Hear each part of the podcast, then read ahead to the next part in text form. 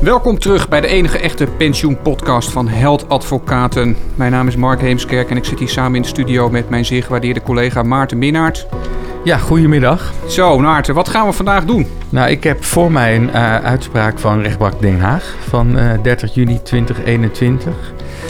Het laatste deel van de ECLI-code is 2021 dubbele punt 7064. Voor de echte diehards die mee Voor de echte kijken. diehards. Ja. En het gaat om een, uh, om een geschil tussen een uh, deelnemer of een uh, voormalig deelnemer in pensioenfonds notariaat tegen pensioenfonds notariaat, de Koninklijke Notariële Beroepsorganisatie en de Staat der Nederlanden. Ja, lekker. En die drie partijen, ja, het is, het is niet een, uh, kennelijk, het is niet gedaan vanuit, nou ja, kijken hoeveel partijen erbij en dan schieten met de hagel, kijken of er iemand geraakt wordt. Wat we ook wel eens zien trouwens. Wat we ook ja. wel eens zien, de, deze drie partijen hebben zo een eigen rol in, in plat gezegd, de pensioenregeling voor de notarissen. Um, in, um, um, en uh, nou, dat, die zullen we in, stappen, in drie stappen zullen we dit, uh, deze uitspraak uh, bespreken. Ja. Um, Zal ik beginnen met wat, wat het ja. echt de uitsprong Wat waarom, wij leuk vinden. Ja, wat wij leuk vinden. Dat is, dat is natuurlijk in ieder geval voor ons heel belangrijk. Dat we daar een beetje plezier en lol in uithalen. Ja. Want er waren vorige maand 17 uitspraken en deze sprong eruit. Omdat dit, wat mij betreft, omdat dit de eerste keer is dat er een, een rechterlijk oordeel is geweest over de, de vraag of de, in dit geval, uh, beroeps, uh, het verplicht gestelde beroepspensioenregeling van notarissen, of dat nou in strijd is met het Europese recht, omdat er het vrij verkeer van diensten zou zijn geschonden. Namelijk de verplichting om een Nederlands pensioenfonds eigenlijk de uitvoerder te laten zijn. Ja, dus even voor de, voor de goede orde, dit gaat dus niet om het mededingingsrecht. Dit gaat dan niet om het mededingingsrecht. Alhoewel uiteindelijk in de uitspraak daar natuurlijk wel weer aan wordt gerefereerd. Ja, want ik zie bekende namen. Albany, Brentjes, Drijvende Bokken. Ja, de hele, hele rechtspraak komt uh, toch weer langs. Ja. Uh, en er zijn natuurlijk lieden uh, die wij niet bij naam gaan, ja. gaan, gaan noemen... die al enige tijd tamboureren... Ja. dat die verplichtstelling in strijd is met het vrij verkeer van diensten. En die zullen toch met een beetje lange tanden kennis hebben genomen. Want is dan de gedachte dat het feit dat je uh, uh, dat een buitenland of een, een, an, een, uh, een pensioenfonds uit een andere lidstaat deze dienst niet kan verrichten naar, naar Nederland toe, is dat dan de klacht? Ja. En dat is dan in strijd met het, met het, met, met het vrije verkeer van dienst. Ja, nee, dat, dat is eigenlijk de, de, de basisgedachte waarom het discriminatie naar nationaliteit zou zijn. Uh, en die vliegen gaat dus niet op. En ik denk dat ze in Den Haag, en niet alleen omdat dit een uitspraak van de rechtbank Den Haag is, maar ook in de politiek hier natuurlijk met argusogen toch naar kijken naar dit soort uitspraken. Omdat bij de grote stelselherziening uh, de verplichtstelling overeind moet blijven. Dat is het, uh, het uitgangspunt van de politiek. Ja. En als er natuurlijk, zolang er mensen zijn die dan zeggen, nou het is allemaal in strijd met Europees recht. Of het nou mededingingsrecht is of het vrij verkeer van diensten. Daar wordt men behoorlijk nerveus van. Nou heeft de rechtbank, uh, wat, de vraag was eigenlijk ook van deze uh, eiser om, uh, om prejudiciële vragen te stellen. Precies. daar gaat de rechtbank niet in mee, want die ziet een, een, een haakje in een, in een vrij oude uitspraak, arrest van de Hoge Raad van 22 oktober 1993, waar deze kwestie al aan de orde is geweest. Ja, ja dat klopt Maarten, dat klopt als een bus. En ze verwijzen dan eigenlijk naar de conclusie van de advocaat-generaal in die Van Schijndelzaak. Ja uit 1993. En die heeft dan in een van die overwegingen gezegd: ja, als het, als het oké okay is op het gebied van Europees mededingingsrecht, dan is het ook oké okay op het gebied van vrij verkeer van diensten. En de rechtbank die voegt daar nog een beetje aan toe. Van ja, het gaat er ook niet, niet om dat het nou per se een Nederlands pensioenfonds is. Nee, het gaat erom dat het een exclusief recht is. Hm. En dat wordt dan natuurlijk toegekend aan het Nederlandse pensioenuitvoerder, maar zou in theorie ook aan een Cypriotische pensioenuitvoerder of een Italiaanse pensioenuitvoerder kunnen worden toegewezen. Wat wij volgens mij niet zo heel vaak zien. Nee, het zou misschien heel verstandig zijn om hem in uh, Cyprus onder te brengen. en uh, lekker buiten te kunnen vergaderen. Want we kijken nu naar de regen die uh, op ons raam drupt. Um, in hoog midden in de zomer. Maar los van deze gekkigheid theorie, zeg jij. In theorie kan je het ook bij een andere een, uh, uitvoerder in een ander lintstaat uh, onderbrengen. Maar dat gebeurt natuurlijk in de praktijk niet. Het is een pakket dat al in Nederland wordt ja, door de aanvraag van de beroepsorganisatie, Ja, de, de, de toekenning door de minister van Sociale Zaken en Werkgelegenheid. eh, eh, eh, van de aanvraag tot verplichtstelling en, eh, en de uitvoering door een stichting in Nederland. Ja. En geen deelnemers die, die dat anders zou willen zien, denk ik eerlijk gezegd. Maar dat is even terzijde. Eh, nou, ik denk, eh, dat is wel eigenlijk wel leuker. Van, ja, zou deze notaris die deze zaak aanhangig heeft gemaakt... nou weer heel graag willen dat Ja. dat, dat, dat een Cypriotisch pensioenfonds is... of een Luxemburg pensioenfonds? Nee. Nee, Die ik- probeert natuurlijk gewoon zijn zaak te, te, te winnen via zijn advocaat. Ja, ja.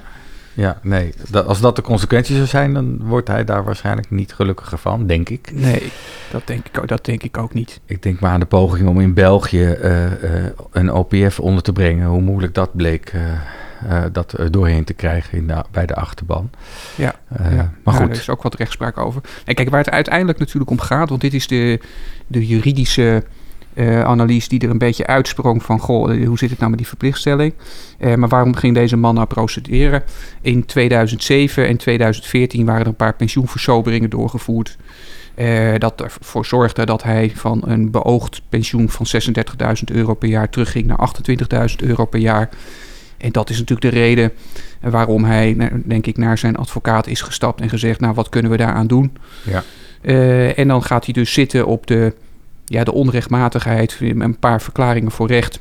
Ja. Waarom zowel die 2007-wijziging als 2014-wijziging niet mocht. In ieder geval niet zonder hem te compenseren. ja, dus eigenlijk vraagt hij om een compensatie, om een schadevergoeding voor die wijzigingen. Kan ik dat zo, eh, of is dat nou juist een eh, kwestie die eh nou, niet zo heel duidelijk dit, uit... Dit, dit, dit doe je natuurlijk, dit is een, een, een prachtig voorzetje Ja. waarvoor dank. Want dit is precies waar, eh, waar in ieder geval zijn vordering van 2007 stuk op ging, namelijk op verjaring. Ja. Als je kijkt eh, naar de, gewoon even de, nou ja, de, toch de advocatentechniek, wat, wat eist hij nou? Dan zijn het allemaal verklaringen voor recht, dat het onrechtmatig is en dat die besluiten nietig zijn. Eh, in ieder geval zonder compensatie. En dan zie je dat in het oordeel de rechtbank toch gaat zitten van ja, wat is dit nu eigenlijk voor soort vordering? Is, dat is schadevergoeding. Ja. Dat is wat ze uiteindelijk zeggen. En waarom is dat relevant, Maarten? Dat, dat ze dus uitkomen bij schadevergoeding in Ja, plaats dan- van een verklaring voor recht. Nou ja, dat, wat, de vraag is altijd welke verjaringstermijn gaat, g- geldt er een verjaringstermijn? Welke Precies, verjaringstermijn geldt dan? En eh, in dit geval, als er dan een schadevergoeding, eh, eh, een vordering tot schadevergoeding is, dan hebben we de verjaringstermijn van 310 lid 1 BW.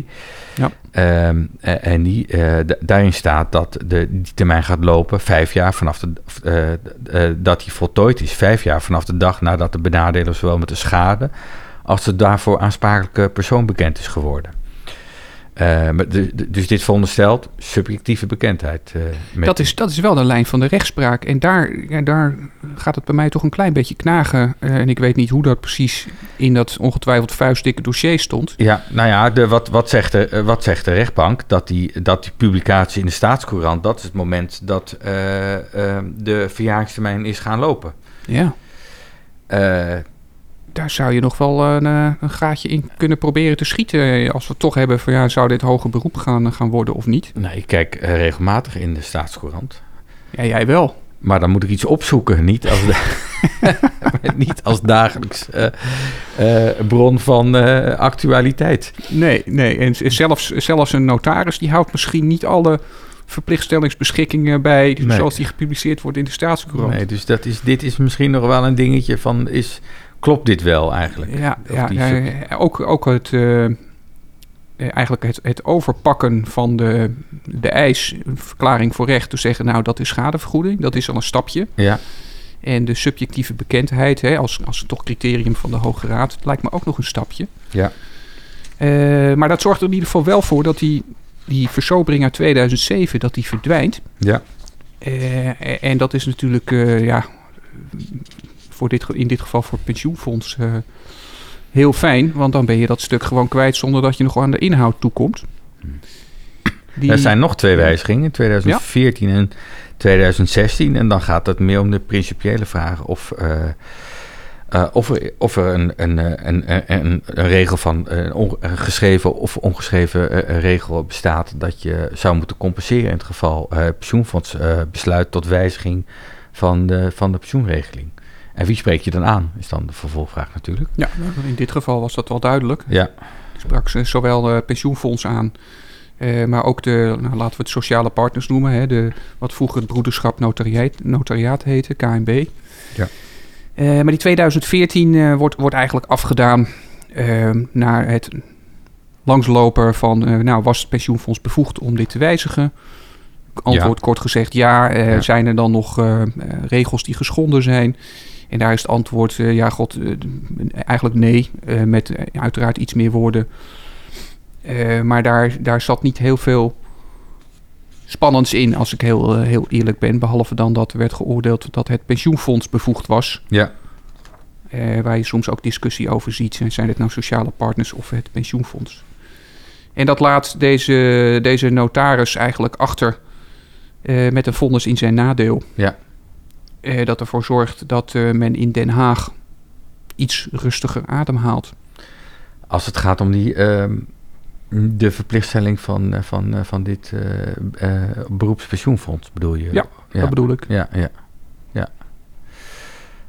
Ja. Zijn er verder nog zaken die waren opgevallen of die wij kwijt willen? Wat denk je? Gaat, gaat dit hoger beroep worden? Nou, kijk, als je zeg maar de insteek van zo'n van, van deze eh, van, van deze zaak, eh, toch echt een, dat een vrij ambitieus, met name ook dat, dat Europese kant van het verhaal, ook Ja. die compensatie, terwijl het eh, ja en, en, eh, qua formaliteit weinig mankeert aan de besluiten. Ehm, en het toch ook niet in zijn algemeenheid, tenminste dat is niet wat ik, wat ik denk, dat er, dat er een compensatie moet worden getroffen in dit geval. Of tenminste dat er een algemene regel uit een arrest of eh, wel- welke Ja, je ziet het wel eens natuurlijk bij eenzijdige wijzigingen van, van een werkgever. Alleen dat, dat ja, dit, is, dit gaat om de, de verplichtstelling. Ja, precies. koek. precies. Met, met andere woorden, dit is, ik denk dat, eh, dat eh, de, betrokkenen eh, we- weet van, eh, van de steile helling die eh, eh, beklommen moet worden. Dus dan ben ik ook, zou ik ook niet op. eh, zou me niet verbazen als er dan ook hoger beroep wordt ingesteld. Dus het is meer een principieel punt eh, wordt het dan. Principieel punt. Ja. Nou, eh, daar kennen we wel voorbeelden van, van principezaken, toch? Nou ja, ach, principezaken, ja. Ik moet meteen aan Oscar Hammerstein denken, die ik volgens mij een keer in een interview heb horen zeggen dat hij, eh, eh, eh, ter- terwijl hij wees naar zijn wildelijke tuin op de Heergracht in Hm. Amsterdam, dat hij, daarmee, dat hij met principezaken die tuin heeft aan kunnen leggen. met andere woorden, ehm, ja, wie wordt hier dan beter van, van zo'n principezaak, als, dat, als de kans niet zo groot is dat je hem gaat winnen? De advocaat. de advocaat. En nou ja, goed, dat is in advies dat. Nou, een vraag die de deelnemer zelf zou moeten beantwoorden, denk ik. Of het hem eh, dat waard is. Eh, Ja, ja. Ik denk toch dat er hoger beroep gaat komen. ik denk het ook. Ja. Nou, dan gaan we weer verder kijken of het, eh, onze analyse van deze uitspraak ook klopt. Ja. Althans, wordt gedragen door, de, door het Hof. Wordt vervolgd. Bedankt voor het luisteren. Dankjewel, Mark. Tot de volgende keer. Tot de volgende keer.